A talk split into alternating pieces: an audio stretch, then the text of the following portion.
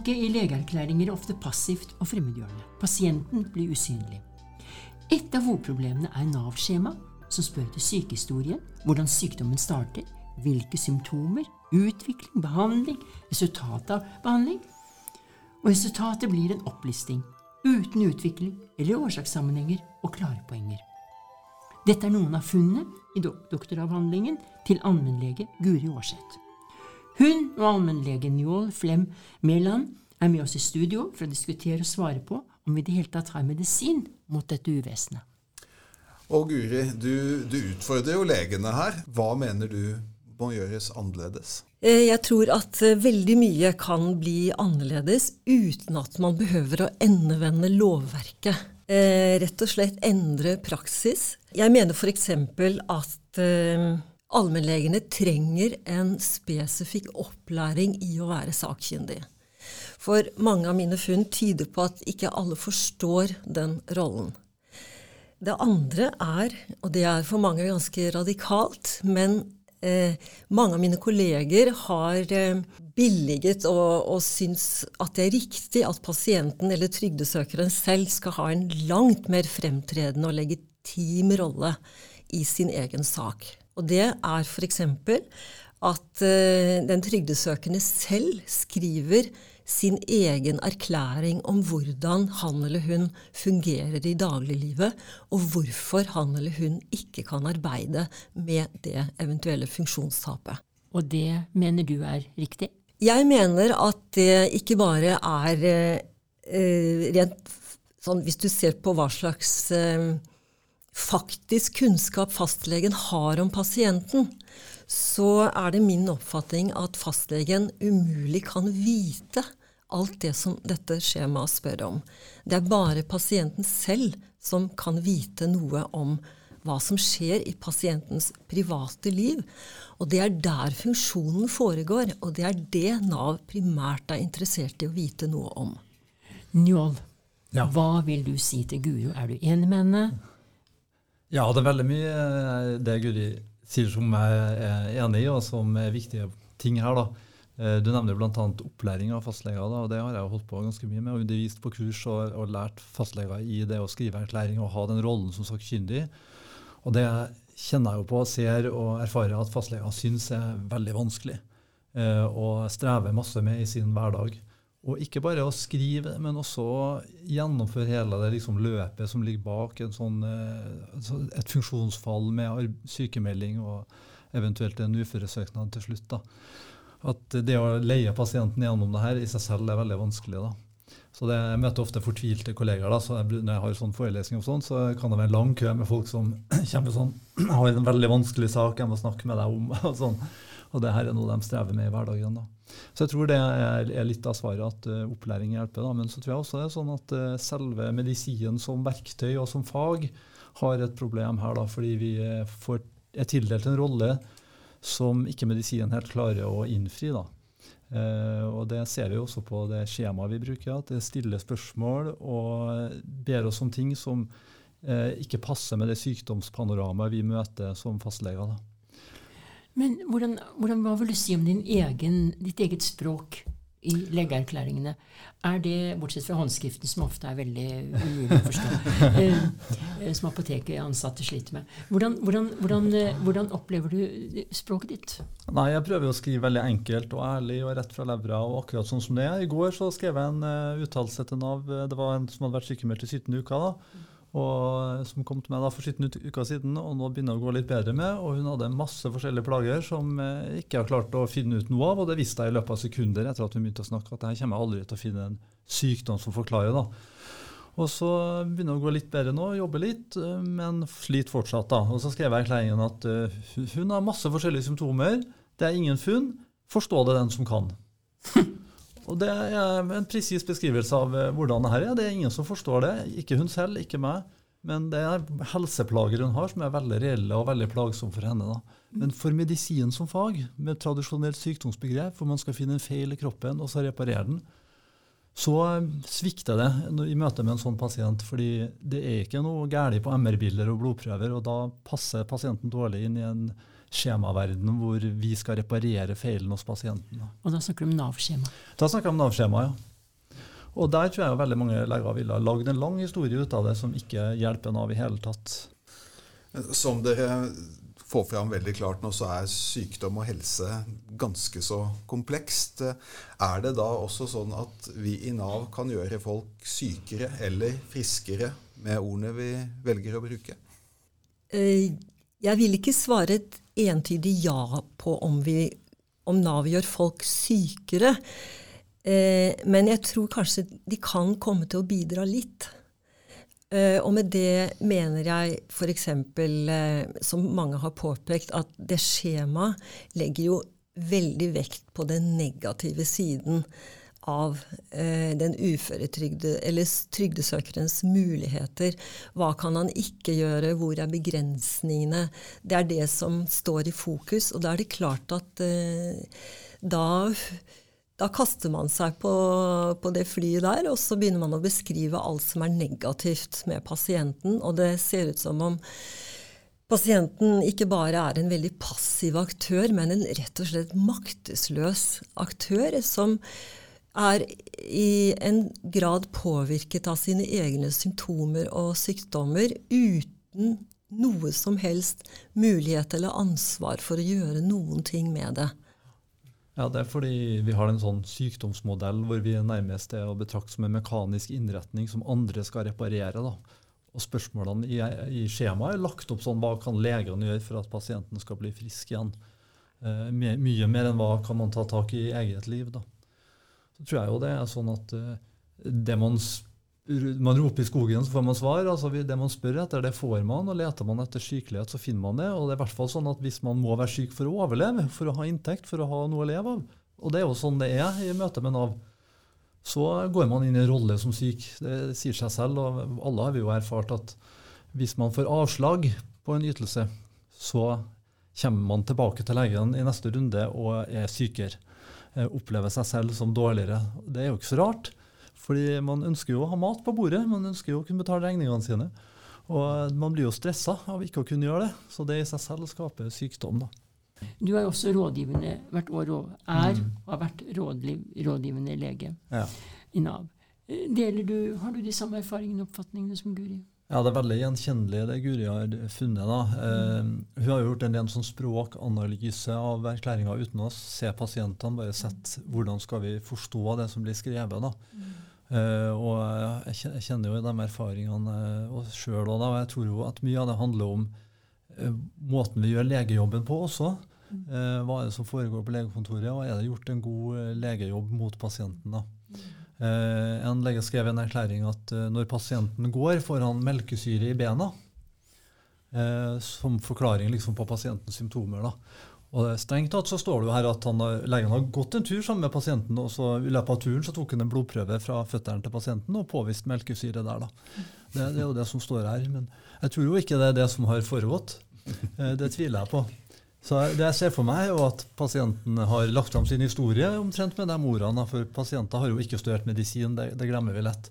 Eh, de er jo helt kørka. Eh, de kommer jo ikke til å fortelle at når jeg går 200 meter, får jeg vondt i beina, og så gir det seg, og så kan jeg gå litt til. De kommer og sier at eh, kroppen min er helt i vat, er ikke vater og jeg er helt pling, og alt har skåret seg fullstendig. og Det starter med sånne setninger. Noe må gjøres, jeg kan ikke ha det sånn. Og så må man jo møte med ja, empati og forståelse, og starte med de her sånn uforståelige tingene. da. Og så etter hvert så koker det ned til at eh, ja, når han går, så får han vondt i beina og klarer ikke å gå lenger.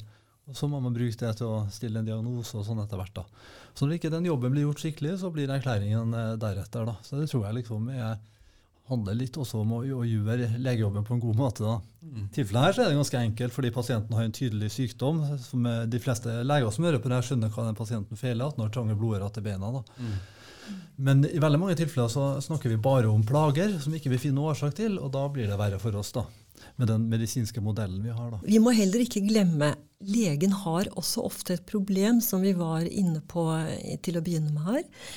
Nemlig at eh, de er pålagt denne oppgaven, men misliker den. Det er det mange studier og intervjuer med fastleger som viser. Og hva skjer da?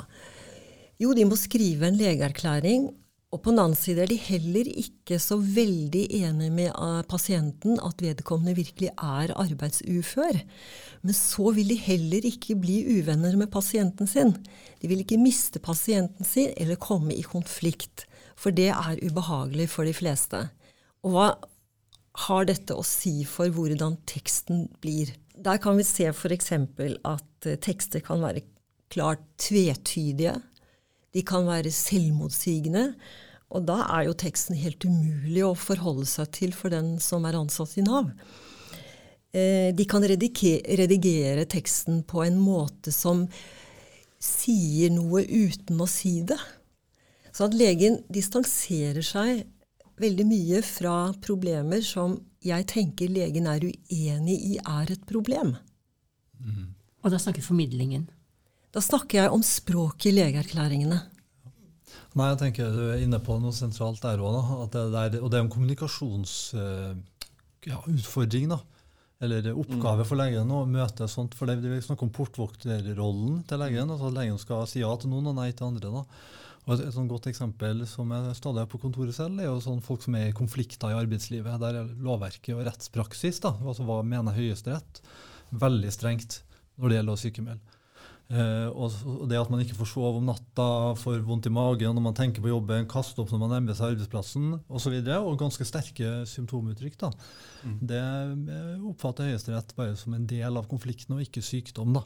Mm. Men å si det til en pasient, pasienten kommer til deg helt fortvila og, og snakker ti minutter detaljert om eh, da sa sjefen, og da sa jeg, og da tenkte jeg, og sånne beretninger. da, Uh, og det å skulle liksom stille en diagnose eller ikke stille en diagnose, og så si til pasienten at nei, det her gir deg ikke rett på sykepenger, det oppleves av pasientene som fullstendig absurd og fremmed og totalt avvisende og, og skrekkelig overgrep, rett og slett. Og det, mm. det ser man på kroppsspråk og ansikt, at det her uh, har en helt annen uh, verdi for pasientene enn det Høyesterett ser for seg. da.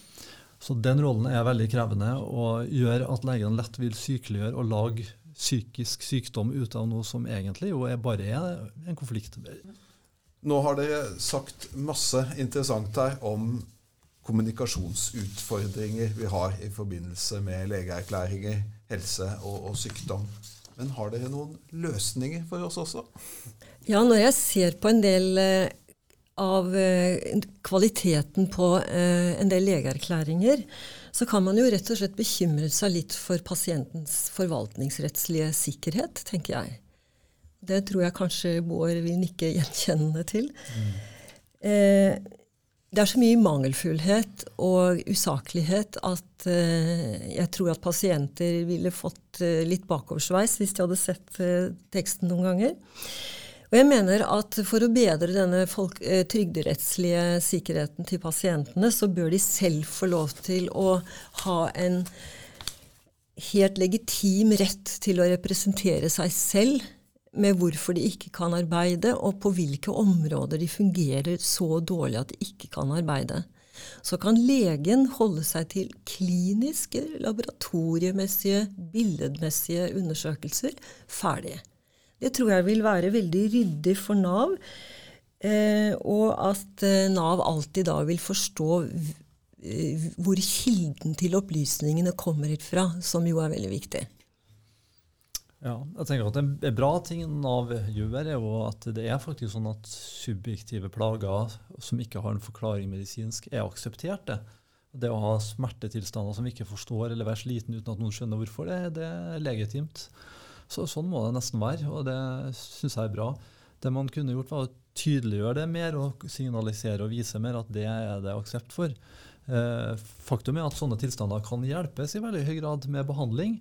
Det finnes veldig mange tilnærminger til å hjelpe noen som har en smertetilstand. Da må man liksom se på hele livet til vedkommende og, og ta, ta, hånd om hele det mennesket og gå inn i livsstil og, eh, og se, se, på hvilke faktorer man kan gjøre noe med i et liv som kan være vanskelig. Da. Jeg har også lurt på hvorfor skjemaet så til de grader presser fastlegen til å si noe om arbeidsuførheten, når Nav faktisk bruker millioner av kroner på arbeidsavklaringsinstitusjoner som har som oppgave å avklare nettopp dette. Tusen takk for veldig gode eh, innspill og ikke minst eh, refleksjoner.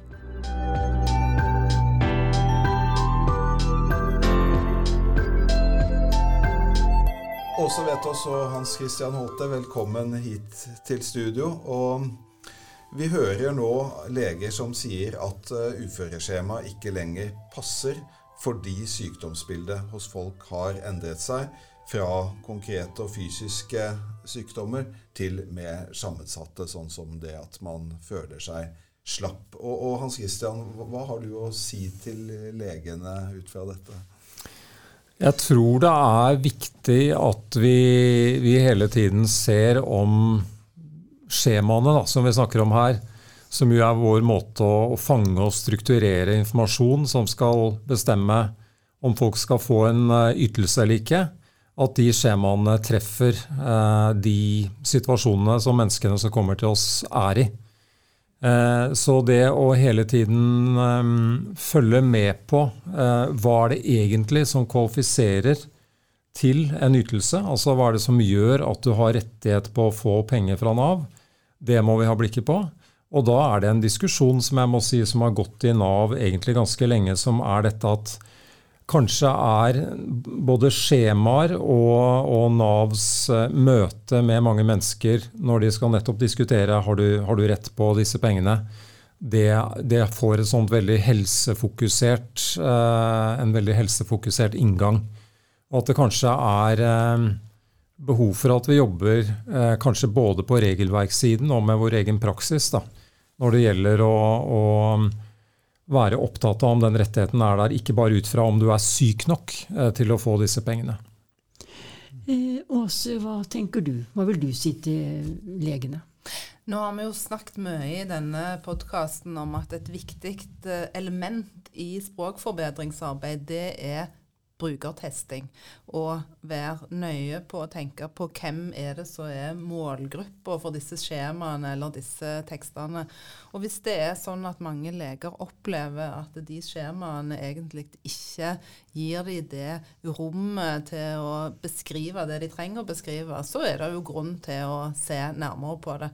Samtidig så er det jo åpenbart at det er et eh, behov for å, for å strukturere disse opplysningene sånn at eh, både eh, pasientene, eh, innbyggerne og de som skal behandle det i den andre enden, er trygge og sikre på at alt det som er av regelverk og formaliteter, er ivaretatt på en god måte. Så her er det flere ting å tenke på samtidig. Og kanskje er vi nå inne i noen av de litt sånn vanskelige tekstsjangrene, hvis det er er sånn at de både skal være tilgjengelige, disse tekstene, for eh, behandlende lege og for pasient eh, samtidig. For da kommuniserer en plutselig med flere eh, grupper med ulike eh, kunnskap og kompetanse og litt forskjellige behov. Så dette, dette, er jo verdt å rett og slett eh, se litt systematisk og nøye på hvordan en skal gå fram når en skal kommunisere på disse flatene.